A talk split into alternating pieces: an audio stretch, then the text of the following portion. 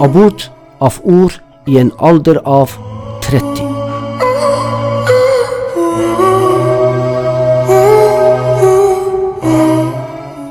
Nå som sommeren nærmer seg, les disse ordene opp ned. Så injiser tusenvis av gleder i kjøttet og si Du er like vakkert som et mål skåret i 90. minutt.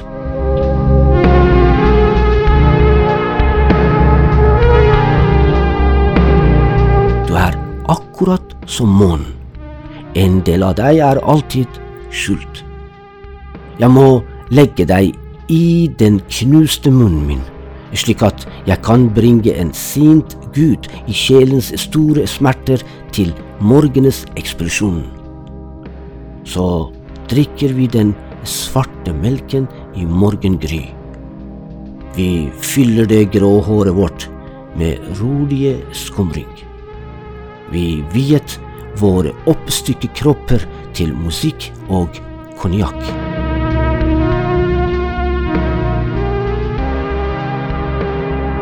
Vi legger til side diamantene som brukes i våre hjerter i gardinenes myke risting når du begynner på oralsex.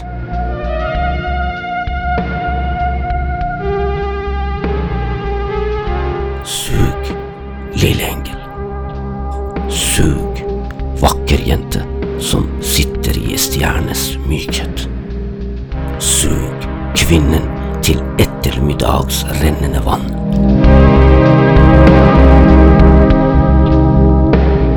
På denne måten tømmer vi plagene i vårt daglige liv i lyse farger og lettvinne lyder. På denne måten synker vi inn i uendelig inntetthet med sorglige språk. Slik vi avslutter livshistorier.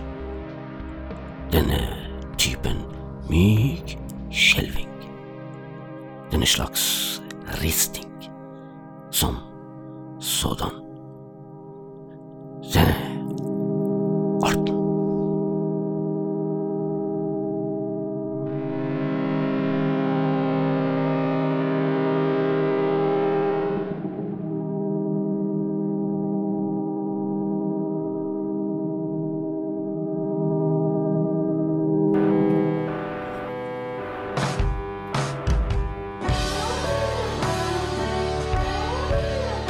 En sanselig tredjegenerasjons spansk innvandrer i Mexico. Han kunne allerede to språk før han kom til Norge. Lærte seg norsk blant annet ved å jobbe i barnehage. Har vært sykehusklovn i de siste elleve åra. Snakker gebroken norsk og mener det er en styrke, og jeg skal vandre med gebroken under Ultimafestivalen til høst. Ivar Aasen er hans forbilde og han vil at alle utlendinger i dette landet skal lære seg nynorsk. Enda verre er at han kjefter på ungene sine på både spansk og norsk. Arturo Tovar.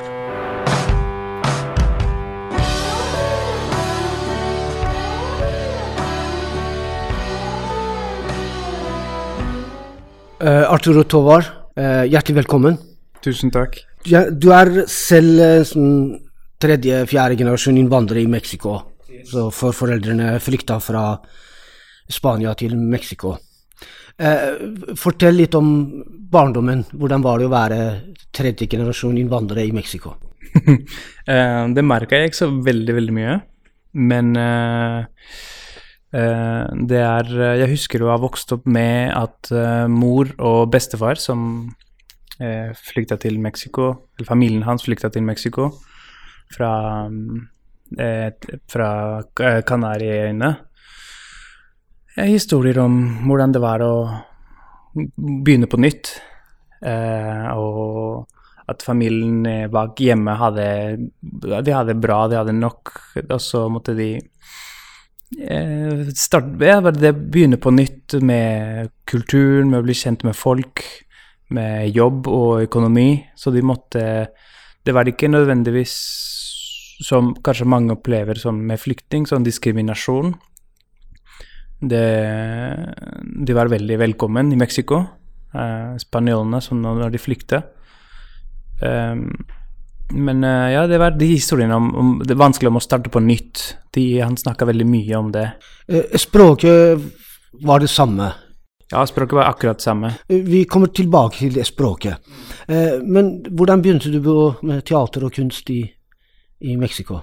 Eh, jeg starta siden jeg var bitte liten, egentlig. Jeg, moren min er klesdesigner. Bestemoren min er dikter og musiker, og hele familien til bestemor er også kunstnere. Hun driver med film og musikk og forfattere journalister. Så det, ble, det, falt ganske naturlig for meg. Er, vi er tre søsken, men det var jeg som på en måte fulgte denne veien. Så jeg var alltid interessert og søkte forskjellige ting. Jeg var veldig interessert i en lang periode i eh, visuell kunst, som foto, video, siden jeg var liten. Og skulptur og maleri og sånn. Så etter hvert begynte jeg å finne ut teater, og det var veldig gøy. Jeg tror jeg var veldig glad i oppmerksomhet en periode. Og det var da jeg fant eh, teater og dans, og jeg begynte litt på ballett, og det var bare jenter og meg. Det var så spennende, og det var så mange jenter. Uh, holdt ikke så lenge på det, men uh, ja, det var en naturlig interesse siden familien drev med det. God motivasjon for å begynne med teater? Ja, ja. Det var alltid en gutt og 40 jenter. Mm. Eh, du studerte fire år teater i Mexico. Ja, i, i Mexico for å få en uh, bachelor må man eh, levere en bacheloroppgave, og så få studere fra alle andre på en måte områdene. Eh, så jeg måtte ta fra, vit, fra vitenskap og sosiologi og så jeg måtte ta, men det var retta mot teater. Så eksempel vi tok eh, fra naturscience, så tok vi eh, biologi om kroppen og anatomi. Så vi tok samme dansere.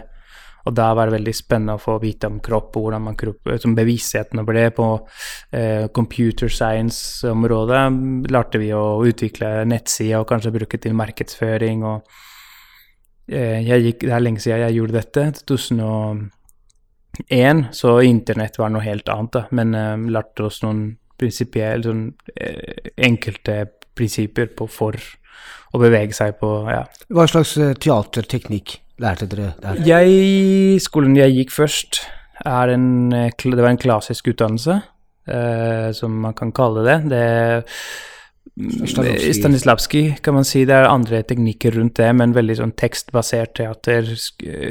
Man eh, jobber med å lage karakter. Eh, og bevisstheten på scenen og noen verktøy for å bevege seg i den verden. Sånn tekstbasert teater, kan man kalle det. Så uh, dro, du, dro, du, til England mm. og studerte der. Var det annerledes? Eh, ja, eller jeg kan også si at i den perioden jeg var i Mexico, hadde jeg utveksling i en universitet på en teaterskolen i, i Santiago de Chile. Og det jeg ble litt kjent med en sånn fysisk uttrykk av teater som involvert Som hadde ikke tekst som eh, Det var ikke tekstbasert teater. Man kunne selvfølgelig basere seg på, på uh, historier og uh, myter av Hamlet og Shakespeare, og, men, men det var mye mer um, bevissthet på rom og kropp og, og, og timing og, og, elementer, andre elementer som var like viktige enn ja, ikke tekst som hovedgreie. Men ja, så reiste jeg til London i søk av en mer fysisk utdannelse. En sånn, og fant jeg en Lecoq, Jacques Lecoq-skole eh, i London. Eh, hvor jeg kunne jobbe med dette, forske litt mer på det eh, kropp på scene som jeg var veldig interessert i. Og så var jeg der to år og lærte Ja, gikk på sånn fysisk teaterskole, som man kan si. Så ble du kjent med en uh, norsk dame. Så kom du til Norge, og ble du den første generasjon innvandrere mm. i Norge. Og nå har dere to barn. Mm. Uh, så, så, hvordan var det å komme til Norge som en ferdig utdanna uh, altså skuespiller. Uh, og, og, og få seg jobb? Eh, først følte jeg meg som mange sånn innvandrere, som man kommer og man må lære seg språket, forstå.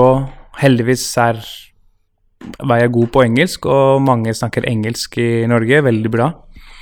Så jeg ble aldri eh, Jeg følte aldri ikke ja, Jeg kunne kommunisere meg rundt, men eh, Men som en, som en skuespiller så, så, Nei, de første månedene når jeg prøvde å kartlegge litt hva situasjonen var, da uh, ringte et par steder for å se om det var noen mulighet, eller uh, kona mi er også teater uh,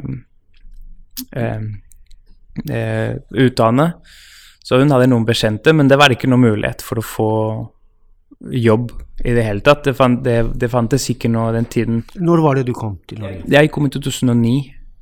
Eh, når muligheten for meg, i hvert fall for det undersøkelser jeg gjorde, så kom jeg i kontakt med Nordic Black på et tidspunkt, og så var det tilbud om en skole. Men jeg var ferdig utdanna, jeg var ikke interessert i å studere mer, jeg var interessert i å prøve å jobbe og bruke det jeg kunne. Eh, så det var ganske frustrerende i begynnelsen, for jeg skjønte at det var språket jeg trengte for å komme videre. Um, etter hvert ble jeg kjent med andre folk og brukt det var ikke behov for nødvendigvis bli flink på norsk for å snakke, for å jobbe som skuespiller, men det var eh, Jeg, jeg fikk sjokk når jeg Eller jeg var litt forberedt på at det skulle være sånn, men jeg fikk litt sjokk. Eh, hvordan overvant du over den sjokket? Nei, det skjedde mange ting. En av dem var at jeg fikk umiddelbart eh, jobb i en barnehage. Mm, hvor jeg veldig fort lærte norsk. Eh, med de små barna som hadde like mye kunnskaper i norsk enn det jeg hadde. Og gikk jeg på voksenopplæring.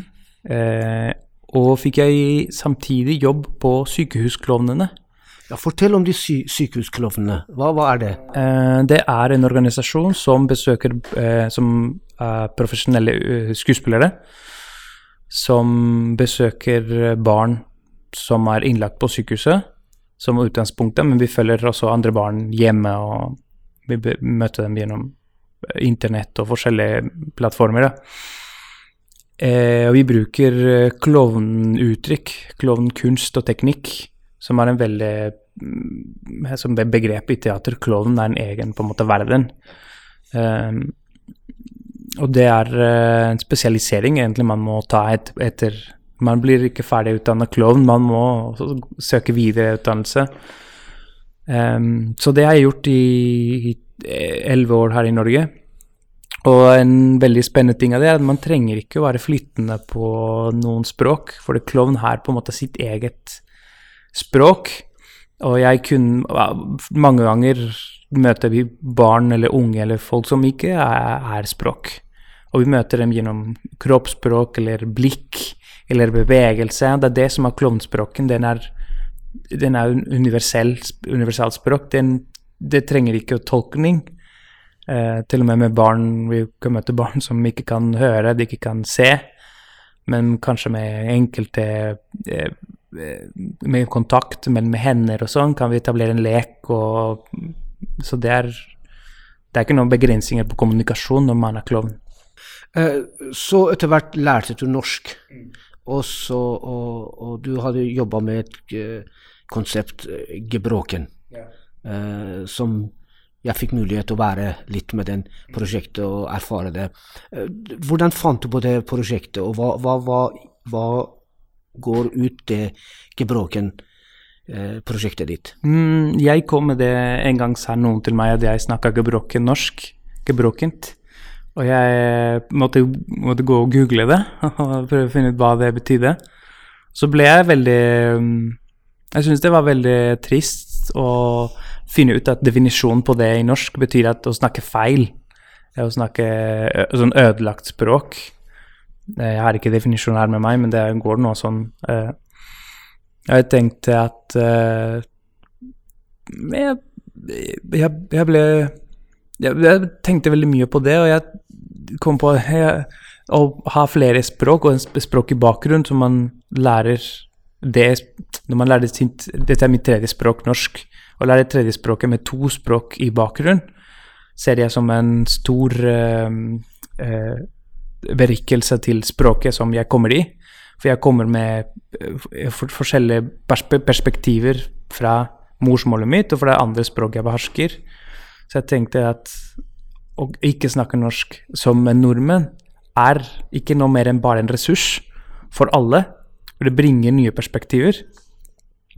Men eh, jeg møter med at det er selvfølgelig, spesielt som skuespiller i Norge, som er en stor tradisjon for tekstbasert teater, eh, det ble en begrensning og en, en svak side altså for, meg som utøver. Og det er ikke bare meg som opplever det, det er bare mange andre mennesker. Så jeg tenkte ah, gebrokken er en sånn Jeg er gebrokken. Det er en substantiv fordi jeg er en gebrokken, en enhet. Og jeg tenker at det fins en identitet. Jeg tilhører den gebrokne identiteten.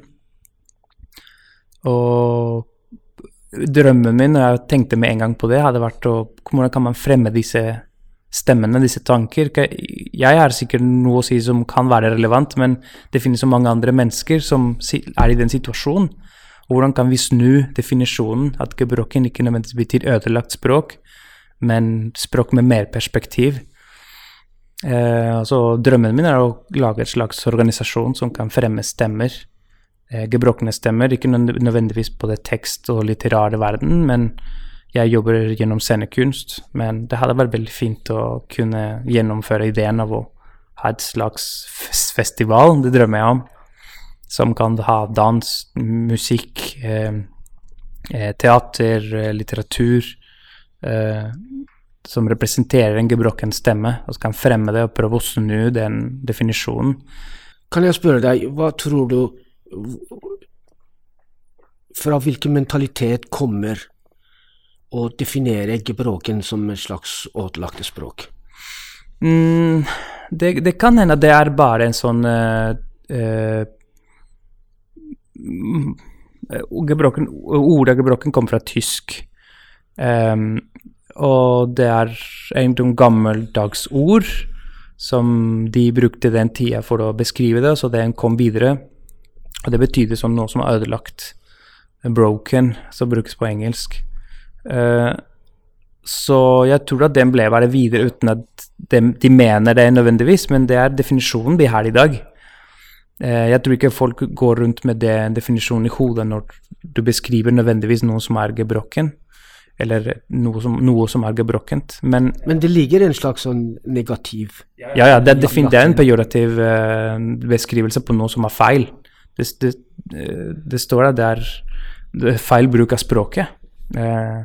Mm. Så det er noen negative aspekter av det, og det er selvfølgelig en sånn en språksretorikk som, som hjelper å lage seg egne definisjoner på. Ja, det er noe som er feil. Men, men du mener at det kan være en ressurs? Ja, definitivt en ressurs. Jeg, jeg kan aldri Jeg kommer aldri til å kunne snakke norsk som noen som er født i Norge. Fordi jeg er ikke født her. Jeg er født et annet sted, og jeg har fått med meg den kulturen og det kunnskapet jeg har gjennom mange ting, bl.a. språket hovedsakelig. Uh, og det er spesielt det muntlige. Um, for det er ikke alle som kan skrive, eller ikke alle som kan lese, men de fleste kan snakke. Så det er definitivt en ressurs, og det er forventningen at man skal kunne snakke Eller jeg har aldri skjønt at man skal prøve å forvente at Jeg vet ikke, at vi skal være helt perfekte på norsk. Eh, vi som ikke kommer, eller generelt som innvandrere i verden, tenker jeg. Det finnes mye av den forventningen at nå skal du være, kommer du hit, her snakker vi det språket, må du lære deg å gjerne snakke helt lik som vi snakker. Mm. Um, jeg tror ikke det er noen som sier det på en måte, men det ligger en sånn slags uh, ja.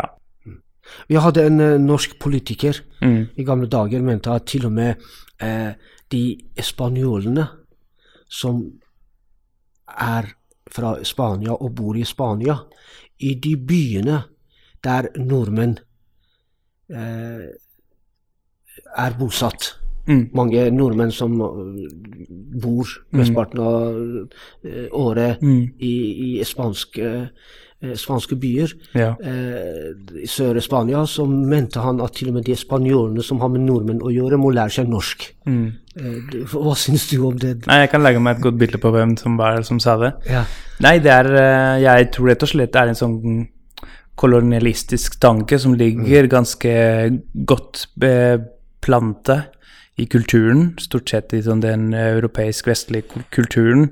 Det ligger en sånn arroganse i den Ja, jeg tror det, den virkelig kommer fra en sånn kolonialistisk identitet som Europa har alltid hatt, og den er selvfølgelig flyttende, og det betyr ikke at de koloniserer bestandig, men det er en sånn eierskap til, til verden og, og tilegne seg kultur, ting, og uh, jeg tenkte veldig godt på det, sånn, noen som sa Jeg reagerte en gang på uh, noen som nevnte at hva er det mest engelske som fins, og, og, det mennesket sa engelsk te. Og så begynte jeg å tenke men det fins ingenting som heter engelsk te. Det er indisk te som Ikke sant? Uh, så all den det, det er, Jeg tror rett og slett Jeg er ikke noen antropolog eller historiker. Det er en kolonialisttanke. Man kan se det veldig tydelig på, på, på disse type uh, uttalelser du snakker om. At man går dit, og de må lære språket, men uh, nordmenn i Spania kan bestille kanskje en øl og si takk. Det er selvfølgelig noen som er flinke på det, men det er, det, det er ikke bare nordmenn. Jeg tror det er en sånn generelt uh, Europa har den identiteten. Det, det, er så tydelig, det man følger det veldig godt. Som en som jobber med kunst og har sine meninger om, om språk, hvordan kan man motarbeide den? Nei, jeg føler at jeg fant en liten gullgruve eh, som heter Ivaråsen. Eh, som for meg er en sånn utrolig morsom og spennende som jeg tenker som at det er en, våp, en hemmelig våpen de her, som jeg har lyst til å bruke mot dem.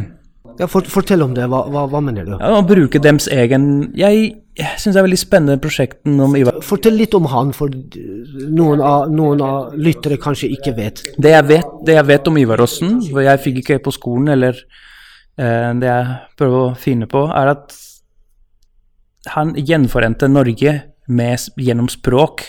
Han brukte språk som en våpen for å finne en identitet. Hva er det som er norsk, som ikke er svensk, som ikke er dansk? Og Norge, som har vært så mange år under disse to eh, land, gjennomgikk en sånn stor eh, prosess om den, å, være, å være Norge og ikke være Og så var det det der. Det var en nøkkel for hva det som er norsk.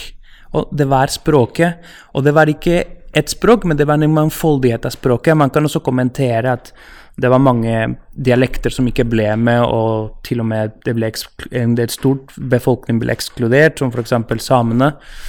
Eh, som var veldig viktig å bare bevisstgjøre seg selv. Men i den tiden De ville jo, de ville jo nekta å Ja, sånn jeg forstår det. Det ble de, de, har aldri blitt med på på en måte å definere hva Norge er eller kan bli. Kanskje nå nylig begynner, å, begynner vi å se nordover, men det er ikke det framover. De er en del av den koloniseringen. Så jeg tenker at hvis vi tar det sånn i den, den positive perspektiven av det, og det som gjorde den den tiden, er det en, en det ble, det ble, laget en norsk identitet som var bare norsk, som ikke var noe annet, gjennom disse dialektene og den mangfoldigheten i, innom det norske, for å skape eh, den norske identiteten gjennom språk? Ja, og nynorsk er det, på en måte. Det nynorsk representerer, og det er f.eks. Det Norske Teatret mener de står for. Det er den mangfoldigheten for stemmene og dialektene og inkludering av, uh, stemmene. Selvfølgelig nå er nynorsk noe veldig få mennesker forholder seg til, spesielt uh, skriftlig nynorsk.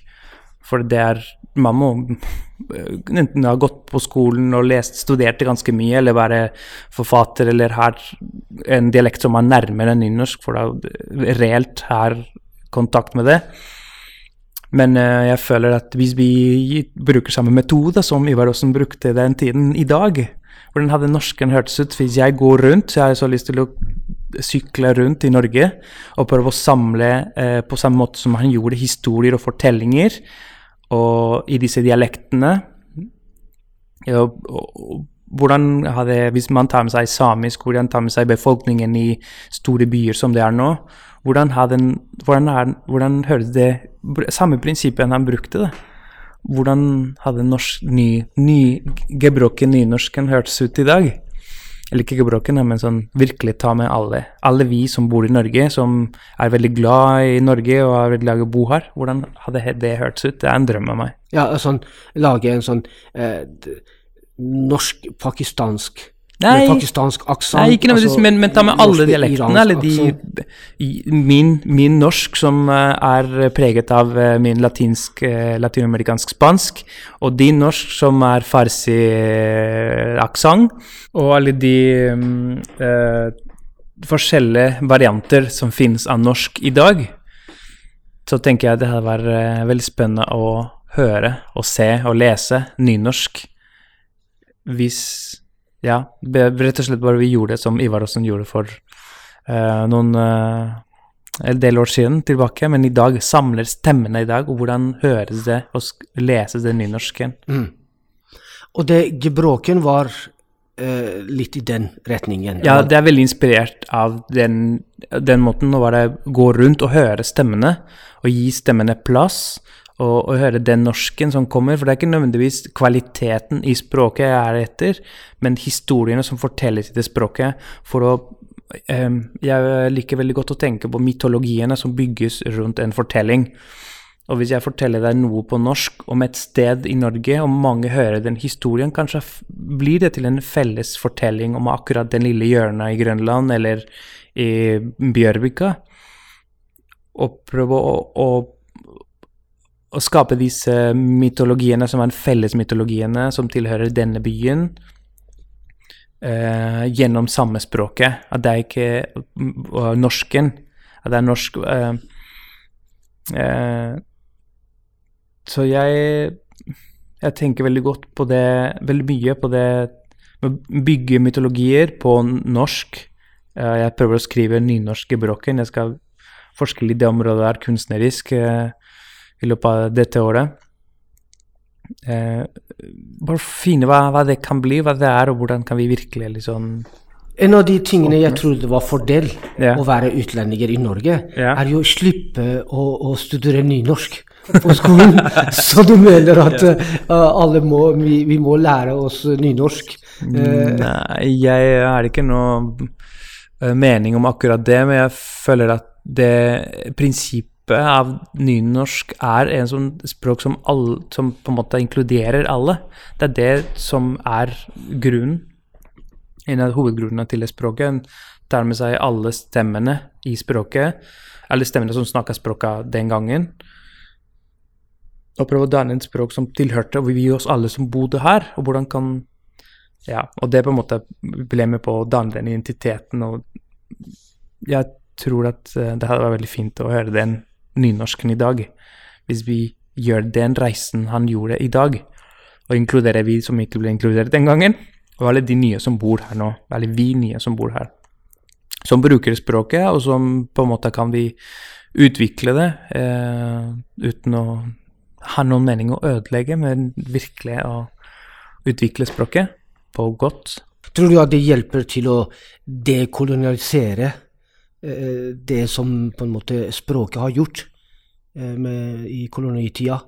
Er det, er, det metode, er det en metode å dekolonisere eh, språket? Jo, jeg, jeg, jeg, tror det. Jeg har ikke tenkt på det nødvendigvis på den måten, men Men eh, jeg tror det er en utrolig fint verktøy for å inkludere oss alle sammen, og ikke nødvendigvis inkludere de som ikke, eh, hvem som ikke er inkludert, tenker jeg. Eh, det er der kanskje er den politiske retorikken av sånne partier som vi snakker om, er, er Hvem er inkludert eller ikke? Eh, Hvem, hva skal man inkludere seg til, eller jeg tror at hvis vi alle inkluderer oss i oss selv, i en fellesskap vi alle sammen bygger, er gjennomspråket er en utrolig fint måte å gjøre det. Det, det er eh, Jeg tror det var en fin måte å starte. Å finne en fellesskap gjennom språket. Det prosjektet eh, Gebråken, hvordan skal gå videre? Hva skal du gjøre med den? Den starter nå som en lydvandring, som jeg jobber på Dramatikkens hus med en del eh, med en bukett av kunstnere. Eh, for å ja, skape en, sånn, en lydvandring. Og hovedideen min var å skille litt utseende fra stemme. For å ikke kunne lage seg noen umiddelbare bilder av en utenlandsk utseende, men bare servere noen stemmer. Og kan man selv begynne å lage seg bilder med disse stemmene som snakker om en by som man bor i og man kjenner i, men kanskje disse stemmene forteller om noe nytt, eller en ny perspektiv jeg hadde om samme, samme byen. Prøve å jobbe på en mye mer sånn eh, eh, sanselig perspektiv også. At kanskje det, det, det mennesket forteller meg om hvor Jernbanetorget ligger, og hvordan det ser ut, har jeg, jeg har vært der tusen ganger og har sett det selv. Men, men, å høre det fra en annen stemme som kommer fra et annet sted, kanskje setter meg på en måte i en annen perspektiv. Eller uh, skaper noen nye bilder i hodet mitt. Derfor en lydvandring. Jeg prøver å bruke bybildet for å og at um, Kanskje du oppdager de stedene du ikke har sett selv? Ja, jeg, jeg, jeg, tror det er så mange muligheter for det, å høre noen andre stemmer. Dette er kanskje stemmer du hadde aldri uh, hatt en samtale med hvis du bare henger med uh, norskfødte mennesker. Med å høre noen andre som kanskje er flytende på Det er så mange innvandrere som er flytende på veldig mange språk, men kanskje ikke norsk. Så man man som innvandrer og ikke behersker det språket like mye som en, en nativ eh, taler. Man kommer kort veldig ofte, og man føler seg dum, og man kommer ofte som dum i, i, når man skal ha kloke formuleringer for å fortelle kanskje noe viktig om seg selv eller om andre ting, kanskje på en jobbsituasjon. Og her er det muligheten for å snakke om ting vi alle har til felles, som ikke ligger noe behov for høyere eller lavere utdannelse. Vi snakker om akkurat hva er det å gå gjennom Jernbanetorget eller bussterminalen, eller hvordan er det en uh, solnedgang sett fra operataket, uh, som vi alle har, kanskje kan oppleve sammen, men gjennom en sånn fellesskap som kanskje språket kan åpne til. En byvandring gjennom lyd? Ja, jeg håper det er også en måte å oppdage byen fra en annen perspektiv. Da. Eh, ja, du snakka litt om det prosjektet kanskje skal eh, videre eh, jobbes med det videre i, på Ultima. Ja, så lenge har vi en avtale på Ultima Festival for å gjøre det, lage en sånn ordentlig vandring. Det vi gjorde, var en eh, workshop av en uke arbeid eh, for å prøve å finne ut uttrykket og kvaliteter av ja, muligheter eh, for å utvikle konseptet. Så nå har Ultima bestilt en egen vandring, fordi også vi jobber med komponist. Eh, så det passer veldig godt Ultima-festivalen. Eh, den på en måte Jeg liker veldig godt å tenke på at musikken er en sånn um, prøve å sette, sette sammen den, uh, disse stemmene og disse fortellingene sammen med byen. Uh, åpner et annet rom som, som kanskje ikke nødvendigvis stemmer og bildet selv kan åpne. Muligheter. Og det samme skal vi gjøre med ny musikk. En uh, festival de har som heter Only Connect, som også er en festival for ny, ny musikk. Det er det det er. Og da skal vi jobbe litt videre med noe annet. Jeg vet ikke hvor mye jeg kan det si om de, de uh, Jeg tror det er fortsatt litt sånn hemmelig hva de skal gjøre. Men det er, passer veldig godt til dette prosjektet, som er en blanding av ny musikk og kanskje kan man kalle det som en mangfold, kunstig og mangfoldighet uh, i tematikken. Mm. Uh, kan jeg spørre deg noe privat? Yes. Hvilke språk snakker du med barna dine? Jeg snakker en blanding av norsk og spansk. Hvordan høres det ut? Det høres Skal jeg si det nå? Um, jeg kan f.eks. si når jeg skal kjefte på, det gjør jeg veldig ofte, småbarn, så jeg kan si uh, Ikke slå broren din, porque le va a doler mucho y se va a poner a llorar. Så du må ikke gjøre det. Entiendes? Forstår du? Si, muy bien. Bra. Ja, det er en sånn vanlig kjeft. Takk.